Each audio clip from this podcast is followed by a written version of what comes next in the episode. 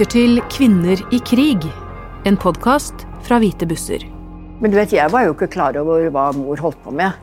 Sånn sett. Men altså, jeg husker jo det var mye rare folk som kom og var en stund i huset og forsvant igjen. Jeg husker det var en, eh, to, to eldre, en jødisk fiolinist og kona hans som var hos oss noen dager, og de sa ikke stort. Jeg var litt engstelig redde for dem, for de sa ikke noe til meg. Og flere andre ganger også. Folk som kom og var litt, og så forsvant de igjen. De skulle bli Ja, de, skulle til, fikk dem over til Sverige, da. Dette er stemmen til skuespiller Bente Børsum. Jeg heter Bente Børsum. Det vil si jeg heter egentlig Benedikte Børsum. Jeg er døpt Benedikte, men mor og far trodde ikke at Bente var noe ordentlig navn. Jeg, men jeg, jeg har alltid hett Bente. Bente Børsum. Når er du født? Jeg er født 21. juni, lengste dagen i året. Og jeg hadde alltid den beste bursdagen av alle i klassen. fordi vi hadde ikke reist på sommerferie ennå. Og det var den lengste dagen. Jeg heter, jeg, hva, du spurte om når jeg er født? Ja. 21. i 6. 34. Så jeg er en, en eldre dame, kan man trygt si. Bente fylte seks år det året krigen kom til Norge. Denne historien handler om henne, hvordan hun opplevde å være barn under krigen. Men livet til Bente har vært sterkt preget av moren, Lise, og hennes opphold i konsentrasjonsleiren Ravensbrück.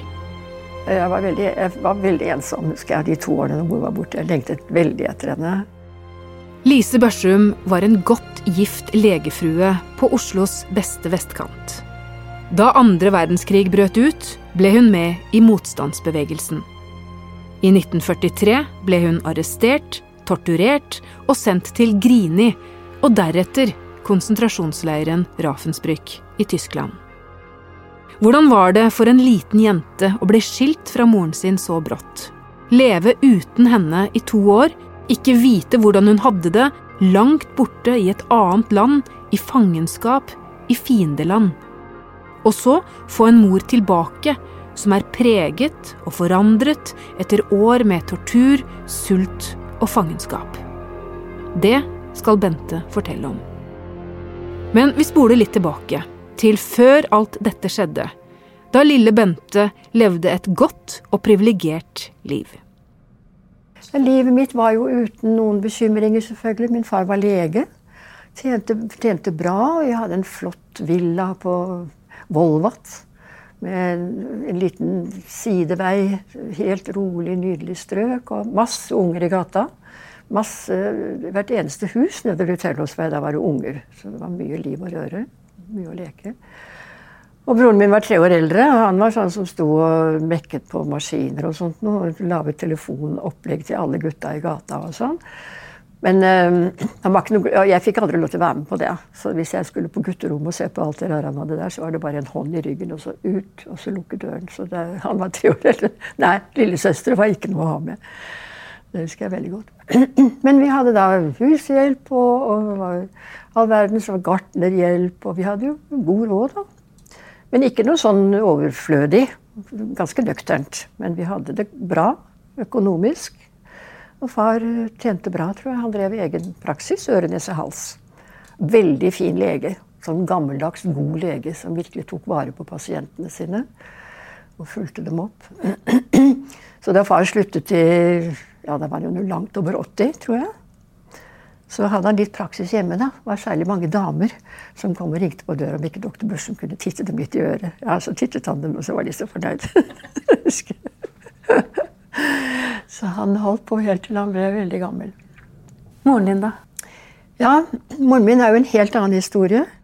Altså, Da krigen kom, så var det jo, da var hun allerede i gang med i, i, i altså med Røde Kors, som da sydde klær og sånn til fin, unger i Finland. Finlandskrigen. Og hun, hun, tok da i huset to små finske gutter som var riktig ekle, og dynket meg i sneen. Og jeg forsto ikke hva de sa. Jeg likte dem ikke i det hele tatt. De het Kari og Veli. Og var slemme gutter, syns jeg. Men altså, hun, hun, tok dem i huset. For de var krigsbarn som trengte hjelp? Ja. Mm. Så, så, hun var jo veldig opptatt av sosiale ting allerede før. Hun var jo liksom vært frue, legefrue, liksom, og ikke hatt noe Hun hadde jo ikke noe utdannelse, moren min. Det har vel alltid liksom plaget henne, tror jeg, senere. Men hun øh, var veldig, veldig åpen for å hjelpe folk, da. Og så sydde hun verdens nydeligste dukker, som skulle jeg skal vise deg noen bilder etterpå. Som ikke var til meg, da, selvfølgelig. De skulle loddes ut i Røde Kors. Og, og sydde, sydde, de sydde uniformer til gutta på skauen. Det var vel starten, tror jeg. kan man si. Og så utviklet det seg litt etter hvert. og, og mor hadde bil. En liten Fiat 500, som sagt. Bitte liten eh, tass. Og, og, og, far eh, hadde jo bensinkvote som lege, så hun kunne drive sin virksomhet med bilen. Så hun var jo Kjørte rundt med beskjeder og fraktet folk og, og, og ja, jobbet illegalt, da. Fortell litt mer om hva det betød den gangen. Jeg, altså, jeg vet jo ikke, for Hun snakket jo ikke med oss om det. ikke sant? Vi skulle jo ikke vite noen ting. Men jeg vet jo at det, det var jo å, å, å, finne folk som hun da skulle bringe dit, og skulle da være i en leilighet så og så lenge, og så skulle de hentes der igjen og fraktes videre. Og så skulle de komme seg ut eh, av landet. Hun hjalp mennesker å flykte over grensen? Ja, det var vel det vesentlige. Jøder, da? eller? Ja, både jøder og gutta, som var ille ute. Så hun hadde jo mange som, som hun hjalp, da. Og så var det én leilighet særlig som eh, de brukte som sånn gjennomgangsleilighet, som etter hvert sprakk. Tror jeg. Og noen som ble arrestert. Og så vet hun jo ikke riktig hvem, men hun regner jo med at en eller annen har sprukket med hennes navn. En aprilmorgen i 1943 ble Lise Børsum arrestert sammen med sin mann. Bentes far ble løslatt, men Lise ble først sendt til Møllergata 19, hvor hun ble grovt torturert. Altså, hun fikk jo den der skruen på beinet som var veldig smertefull. Så de holdt jo på med henne, og hun ønsket jo bare å kunne svime av, men uh, fikk ikke Altså, de, de, de, presset henne veldig hardt. Uh, og jeg tror hun klarte å holde seg. Men det var én som hadde kommet opp med hennes navn, og jeg tror hun visste også hvem det var. Men hun har ikke, hun har ikke villet snakke om det senere. Mm. Men uh, ja, så ble det jo da Grini, da. Hvor hun satt på enecelle. Uh, I et par måneder, tror jeg. Og der var hun liksom veldig opptatt av å være inne i seg selv hele tiden. Og, og var uh, Hun syntes egentlig det var ganske deilig å sitte i enecelle. Hun likte ikke det var noe, det var ikke noe deilig å bli forhørt av jævlige femer som skulle ha henne ned i kjelleren av og til og fortsette å mase på henne. Men hun klarte hun sprakk ikke. altså greide, det, greide seg. Far forklarte meg jo hva det dreide seg om. Mor hadde ikke gjort noe galt på noe vis. Men hun hadde hjulpet folk. Så det var jo bare Jeg, jeg tror ikke at jeg Jeg bare godtok det. Sånn er det. Hun kommer vel hjem snart, tenkte jeg. Og det gjorde hun jo ikke. Så, og da ble jeg værende hos disse som jeg da var Altså denne klokkerfamilien, da, som hadde, ja, det hadde vært pasienter av far, tror jeg, alle sammen. De hadde flere, bar, flere voksne barn. Så jeg begynte på skole der nede etter at mor var tatt. da. Og det var fordi faren din kanskje syntes det var vanskelig å ta vare på deg? Ja, han syntes det var vanskelig å ta vare på meg. da. Var, det var lettere å ha en sønn der i huset. Han var tre år eldre enn meg dessuten. så... Var det, var det, greit for deg å bli sendt? Altså, jeg vet ikke. Jeg, jeg, har lurt ofte selv Jeg tror jeg må gå til psykolog for å grave opp ting. For jeg kan ikke huske annet enn at jeg, jeg var så lydig. Altså, Hvis jeg fikk beskjed om at jeg skulle gjøre noe, så gjorde jeg det. For det er vel sånn det skal være når mor og far har sagt det, så er det riktig. Så jeg kan ikke huske at jeg har hatt noe aggresjon eller vært sint på henne på noen måte. Det ville vært naturlig at jeg ville ha vært, men jeg, jeg, jeg tror ikke jeg var det. altså. Jeg tror jeg, jeg var snill pike. Litt for snill pike, ja. Veloppdragen. Men hun var jo borte i to år? Ja, hun var det. Det var veldig lenge. Så jeg, jeg, lengtet kolossalt etter henne. altså Jeg savnet henne kolossalt. Det gjorde jeg. Det husker jeg veldig godt. altså. Så, og tenkte masse på henne. Og, og, og min far forklarte oss at uh, hun jo, sitter og er arrestert, men hun har ikke gjort noe galt ut fra hva vi syns. Og, og, far visste jo ikke hvor jævlig det var. Og ingen som visste det. Ikke sant? Så, så, men han visste nok litt. Men han fortalte jo ikke oss det. Men Fikk dere vite at hun ble sendt fra Grini til Ja da, vi fikk vite det at hun skulle være i en leir i Tyskland. Vi visste det. fikk vi vite. Men, men så Ja, jeg begynte da etter hvert på Ris skole et år. Og så ble jeg sendt på Hammerseng pensjonatskole. Og der var jeg i to år. Så jeg har vært veldig mye borte hjemmefra. Ja, Så livet ditt gikk på en måte sin gang et annet sted? ja det gjorde i grunnen det. Ja. Hva vet du om Eller det vet du selvfølgelig, men kan du si litt om det Lise opplevde i Ravensbrück? Sånn, Altså, jeg vet jo Det jo, står jo veldig mye i boka hennes, og den er så personlig. Og den er så den er, Hun har en enormt godt observasjonsøye. Så hennes beskrivelser er så veldig rene og uten noe sentimentalitet, egentlig. Altså, den er så personlig. og veldig, Jeg går ut fra du har lest den, kanskje, men det er en, en veldig god eh, Du får veldig inntrykk av hvordan det var dem imellom. Det var 100 jenter bare, ikke sant? 100 norske. Og det var et veldig samhold blant dem. Og, og Nelly Langholm, da, som var en nær venninne av henne. Så hverandre mye etter krigen også. Så det er klart de hadde det jævlig, men altså de, de overlevde jo. Og tok vare på hverandre. På sitt vis. Mm. Og så var hun eh, Ja, hun var veldig dårlig på slutten en gang, sa Nelly. Fortalte meg det at da var det like før at de trodde Lise ikke skulle overleve. Men hun klarte seg og, og kom hjem med de hvite bussene. Fikk dere brev fra henne, eller livstegn? Jeg, jeg vet ikke, altså Far visste hvor hun var. Og jeg tror han forsøkte å sende ting, men altså hun var jo nacht und nebel. Nacht und Nebel betyr natt og tåke.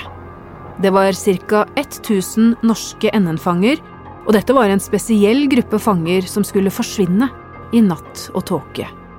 Målet var å skremme andre fra å engasjere seg i motstandsarbeid mot okkupasjonsmakten.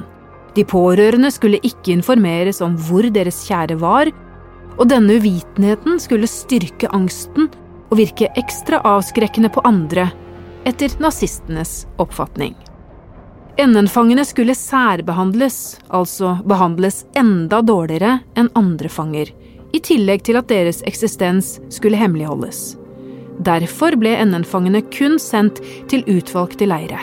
De fikk ikke skrive brev hjem, maten og boforholdene var dårlige, og de måtte drive hardt tvangsarbeid. De oppdaget det først etter et år, at hun var lagt om nebel. Så da det kom på, så ble hun jo nektet enhver. Ikke noe brev, ingen, ikke pakker, ingenting. Men, men eh, de jentene seg imellom, de fikk, jo, de fikk jo Røde Kors-pakker, som de fikk gitt henne litt uh, Dyttet inn til henne. Så, så egentlig så det var vel grunnen til at hun overlevde, tror jeg. Ellers så tror jeg ikke det hadde gått så bra, nei. Men dere fikk vite at hun hadde blitt hentet ut av de hvite bussene og var i Sverige og skulle komme ja, hjem? Ja, da fikk vi beskjed. Ja. Så da var det jo bare Vi sto jo trippet. Da, tenkte at nå kommer mor hjem igjen. Det, det var liksom helt Det var bare liksom Jeg husker det, jeg holdt på å sprekke av lykke. altså. Jeg visste at hun kom. Så hver dag gikk bare og telte etter. Nå kommer hun snart, nå kommer hun snart. Men Hvordan var det møtet dere imellom? Da, da hun kom hjem? Ja. Ja, det var eventyrlig, altså. Jeg, jeg, jeg, stakkars, jeg tror jeg satt på henne hele dagen. Jeg slapp henne ikke altså, fysisk. Jeg hang på henne. Så tviholdt på mora mi hele dagen. Satt på fanget hennes, og så snakket hun veldig. Begynte å snakke med en gang. Begynte å fortelle. Og, umiddelbart.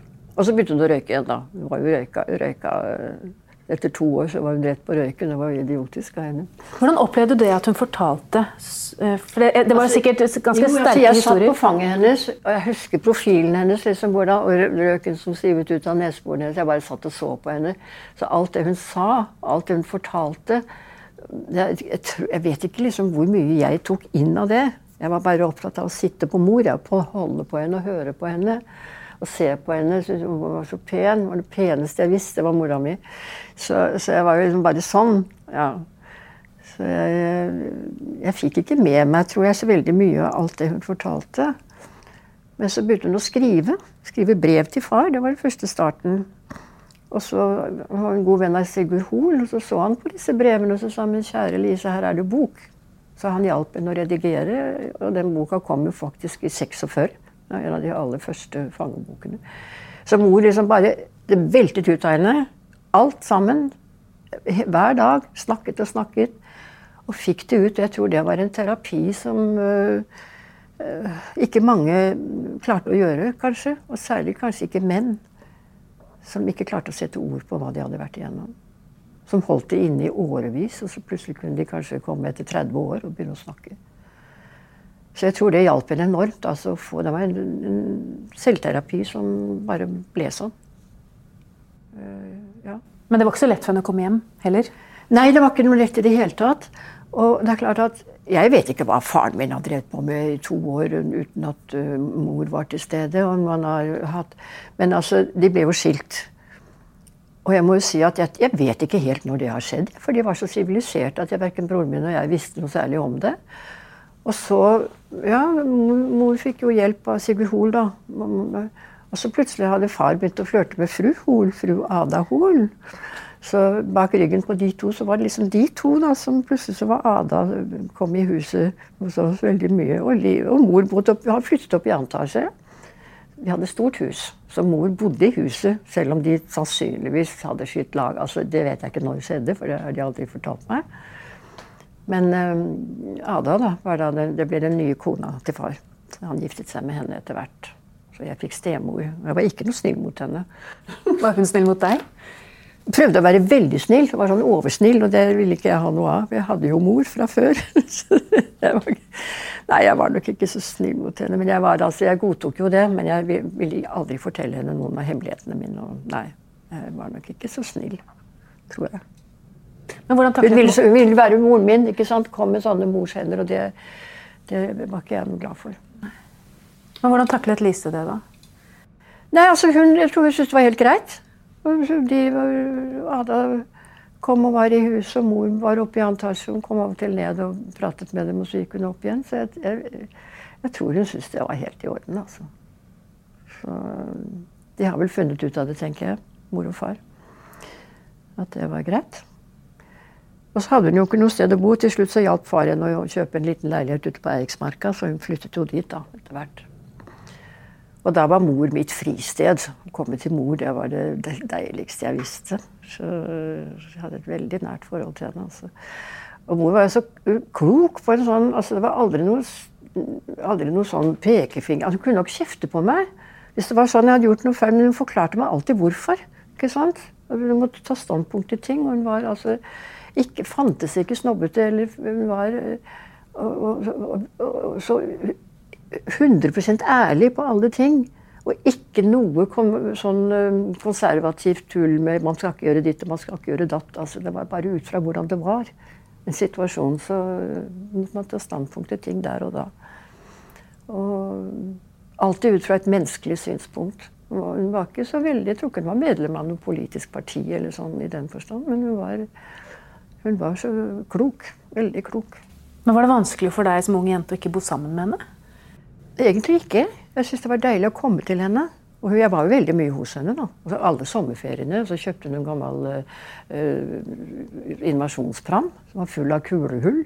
Og den bygget hun om til husbåt.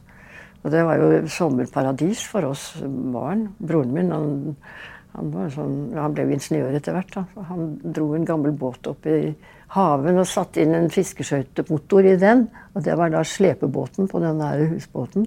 Og jeg hadde kajakk på taket og jolle bak. Og det var sånn skikkelig fantefølge om sommeren. Så det var alltid godt å komme til mor. altså. Det var bare, bare glede. Men etter at hun hadde fått skrevet av seg historien, ja. taklet hun det bra da etterpå? Nei, hun snakket ikke noe særlig om det senere. Og jeg var vel Jeg tror jeg bare godtok at uh, hun, hun hadde på en måte ja, fått ut av seg. Jeg visste jo, jeg hadde jo lest den og vite alt. og sånn, så, så jeg var, Da var mor mor. Da var det ikke noe mer å, Så jeg husker ikke at jeg drev og spurte henne om ting fra den tiden. Og særlig da var, da var vi tilbake til, noen, til god, god, godt samvær. Det var alltid godt å være sammen med henne. Så, så jeg, jeg, tror ikke jeg var bitter på henne. Kan ikke huske at jeg var det. Det er jo rart, egentlig. Jeg ja, jeg vet ikke, da må jeg som sagt til psykolog. for å se. Jeg tror ikke Jeg har nok sikkert vært det. Men uh, det var ikke noe jeg kan huske at jeg var uh, bebreidet henne noen ting. Jeg gjorde ikke det. altså. Men preget det deg, tror du? Ja, Det preget meg nok ganske, for jeg var veldig ensom i to år. Veldig ensom, det husker jeg. Uten at jeg kunne si det til noen. Jeg visste at jeg hadde jo ikke noe å klage over. Jeg kunne jo ikke bebreide noen. For jeg, jeg var tatt vare på ikke sant? for at jeg skulle ha det bra. Og det visste jeg jo var utgangspunktet fra faren min, at han syntes det var best for meg. Så, men jeg, jeg, har nok eh, Ja, jeg har nok noe arr fra den tiden. Den ensomheten, den, den var stor, altså. Jeg hadde ingen, ingen egentlig som jeg liksom var nær i den tiden. Så laget du jo en forestilling om moren din. Ja. Hvorfor det? Eh, hvorfor det? Fordi jo, starten var vel egentlig mens jeg fremdeles var på Oslo Nye. Jeg var jo fast ansatt der. Og da hadde man mer enn nok å gjøre. Og jeg hadde en veldig nær finsk instruktør, og vi var alle sammen opptatt av altså nynazismen. ikke sant? Det var på gang, og det, var, det skjedde jo her i landet også, med sånne folk som Jeg husker ikke hva han het, han der fæle fyren oppe i Dalom der. Myr, Myhrvold? Ja, ja, noe sånt. ja. Så, og sånne ting. Det begynte å dukke opp. altså det, Flammene kom opp igjen, og jeg tenkte det må ikke skje igjen. Så vi var veldig opptatt av å lage en forestilling. Jeg, jeg syns jeg hadde en historie. Og, og, vi var i gang og skulle gjøre noe, men hun var i Finland. Og så vi, skulle ha en forestilling hvor det var fem forskjellige skuespillere med, og det, og det ble for mye. Men så etter at jeg sluttet på teatret, jeg har en historie her. altså Jeg har noe jeg, har, jeg kan fortelle. tenkte jeg, søren meg, altså, Så gikk jeg til uh, min kjære venninne Anne Karen Hytten for å få hjelp. til, Altså, jeg kan ikke dramatisere, ikke sant? men uh, så jeg sa du skal, du skal, jeg skal lage en monolog her. Kom igjen. Nei, sa hun. Vil ikke. Jo da, det skal du, sa jeg. Ja, nei, du får gå til noen andre. Nei, så satte jeg meg på henne. Så jeg nei, du skal gjøre det. Så gjorde hun det. Og så ble det den historien som jeg da har nå spilt 220 ganger, tror jeg. Monologen. Som jeg har truffet folk hjemme med veldig. Hvorfor tror du den fortsatt treffer? Jeg tror det er fordi at den, det er en menneskelig historie. Det er liksom alt fra et forlatt barn til en mor som som lider. Og så er det vel den der jævelskapen som da ligger under her. Altså at sånne ting kan skje. Uh, og jeg tror historien er, er ganske nær. Ikke sant? Jeg tror den treffer folk hjemme. Har jeg inntrykk av. Det er mange som kommer etterpå og takker meg for den og, og, og sier at dette var Ja, at det gikk inn, liksom. Det er jo det jeg gjerne vil. Hva tror du Lise Børsum hadde sagt hvis hun hadde sett den? Jeg tror hun hadde vært litt flau. Jeg tror hun hadde vært flau. Ja, jeg tror det. Men hun hadde sikkert syntes det var litt ålreit også. Kanskje hun sitter på en liten sky og syns det. ja. Hva tenker du da, siden du har gått så dypt inn i det, hvordan krig virker på mennesker? Altså, krig er så forferdelig. Jeg tenker på det som skjer nå eh, i disse dager. Jeg kan liksom ikke fatte at, at det er i gang sånn som nå skjer her i Europa. At det går an. Og disse her, nå blir altså fiendskapen så enorm, og, og det, det, eksploderer jo. Jeg syns det er ufattelig at det kan skje. Så har du en sånn gal mann der borte som sitter, og, og, at folket der tror at dette er flott og fint og sånn. De som bor i det landet. Hvordan kan man Er det ingen som kan ta rotta på handa? Ja. Det, men det er vel ingen som gjør det, for han klarer jo å lyve seg til at dette her er riktig. Jeg syns det er helt Ja, det er, det er ikke noe å si. Det er så grusomt at du kan ikke fatte det. Og frontene blir jo etter hvert verre og verre. Det sprekker jo etter hvert. da. Så åssen det skal gå med oss, jeg vet ikke. Jeg syns det er ganske skummelt. Hvis du tenker på hvordan denne krigen preget Lises liv, altså fra hun var voksen og til hun ble eldre, hva, hva tror du om det? Jeg tror at det gjorde en enormt med henne. Altså hun, var, hun begynte jo umiddelbart å hjelpe folk som ikke hadde greid seg så bra. Uh, så hun var opptatt av mennesker, ikke sant? Og det var jo flere av disse her, uh, særlig krigsseilerne, da, som forfyllete stakkarer som hun tok seg av. Og så begynte hun jo umiddelbart å, å, å hjelpe folk som ikke ja, som sagt, som lå litt nede. Og så ble hun jo medlem av en internasjonal eh, kommisjon som, som, kjempet mot konsentrasjonsleirer. Så hun var jo på inspeksjon både i, Ja, De slapp ikke inn i Kina, selvfølgelig, men hun var i, i Algerie og flere andre land. og da så jo hun umiddelbart som gammel fange at her var blomstene planta i går. ikke sant? Så gjort det fint for dem når det skulle komme en sånn internasjonal eh, kommisjon som skulle se hvordan det sto til. Propaganda? Propaganda, ja. Mm.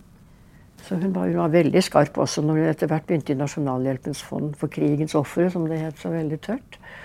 Og der merket hun umiddelbart Nei, jeg tror ikke helt på deg. ikke sant? Noen som kanskje kunne lage opp en historie som uh, skulle ha hjelp. Men hun gjorde masse flott arbeid der. altså. Hun hjalp folk som virkelig lå nede. Og hun ble sterk av det, rett og slett. Så hun, hun virkelig Hun gjorde veldig mye Hjalp folk. Så hun, hun var alltid ja, hun var så, Hva skal jeg kalle det? da? Hun var veldig ukonvensjonell og, og, og, menneskelig. Og ærlig. Det er tre ord som kanskje dekker mye av det hun var. Veldig ærlig. Men du tok jo også opp en del av arven, siden du engasjerer deg nå, nå i Ravensbrück? Ja, selvfølgelig. Altså, det er klart at jeg, jeg, husker jo alt dette her. Så for meg, min barndom er jo krig. Uh, og jeg ble jo tatt vare på. Altså, det var ikke noe synd på meg. Faren min jeg led jo ikke noe nød i det hele tatt. Så, men, men, menneskelig sett så er det klart at jeg har satt dine spor. Ja. Arr. Jeg har nok noen arr inni et eller annet sted. Uh, men det lever jeg godt med, selvfølgelig. Tenk på andre som har hatt det jævlig, så har jeg ingenting jeg skulle sagt om det. Men, uh, men hva skal jeg si videre om mora? Jeg kunne si så mye hun, hun, ble, hun, hun, ble, sterk av det oppholdet. Jeg tror det er det egentlig. Altså, det utviklet henne på en måte som, eh, som menneskelig sett gjorde henne stor og flott, altså, syns jeg. Er det et paradoks, egentlig? Ja, veldig egentlig er det det. Men ut fra å komme ut av helvete med positivt fortegn, det, det gjorde hun faktisk, altså. Det, det, vil jeg si. Hva sier det om hennes personlighet, tenker du? Hva da? Om hennes personlighet, hva sier det? Ja, det sier jo at hun på en vel Altså Hun var jo kom fra å være en sånn litt Hun, hun var legefrue, ikke sant? Og egen bil og pels og pene klær i skapet og alt det der. og det, det, det la hun helt bort. altså det, Etterpå var hun interessert henne null. altså Selvfølgelig hadde hun skikkelige klær og sånn, og en liten bil. Men hun var ikke opptatt av noe av det som hun før, før hadde vært bortskjemt med. Så hun klarte ikke å vende tilbake til det livet. Det, det, etter, hun var vant til å ta vare på suppekoppen sin og kruset. Det var det. Og, så hun ville ikke ha noen ting. Og da hun skilte lag, altså da hun flyttet hjemmefra, ville ikke ha med seg noe. Noe av tingene hjemme. Hadde antikviteter. da, Han var veldig opptatt av det. Han hadde en nydelig fajansesamling, og det var pene møbler. Og, ja. Så han, de hadde god råd. Men um, det interesserte henne ikke, altså. Så, men hun begynte jo etter hvert i Nasjonalhjelpen, som sagt. Og da var hun, hun ble jo direktør der etter hvert. Så hun tjente jo penger på det og greide seg fint. Men hun, hun ble Ja, hun, hun, hun kom ut med positivt fortegn, for å si det sånn. Jeg syns det. Bente Børsum er en kjent og kjær skuespiller med en imponerende karriere. Hun er æresmedlem både i Norges Skuespillerforbund og Kunstnerforeningen. Hun er kjent som dronningen i Reisen til julestjernen. Hun har spilt fru Vold i Julisvingen, og du har også sett henne i Exit.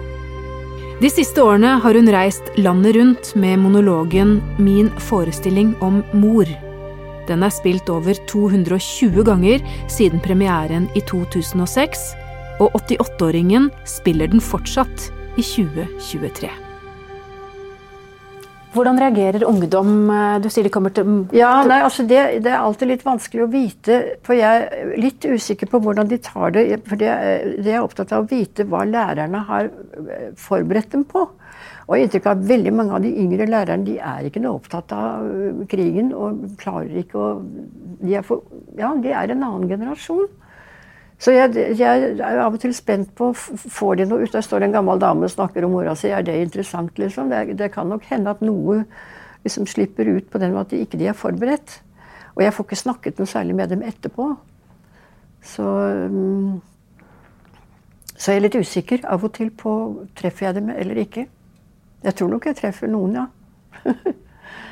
Hva gir det deg, da? At du faktisk treffer noen? Eh, ja, det gir meg det at jeg syns jeg kan fortelle en historie som noen i hvert fall får utbytte av.